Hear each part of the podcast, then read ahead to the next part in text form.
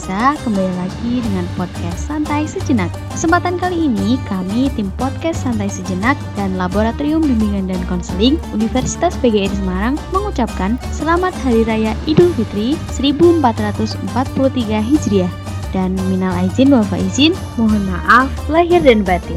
Oh iya, sampai jumpa di podcast Santai Sejenak season 2. Akan ada yang baru loh. Stay tuned and stay humble. Dah.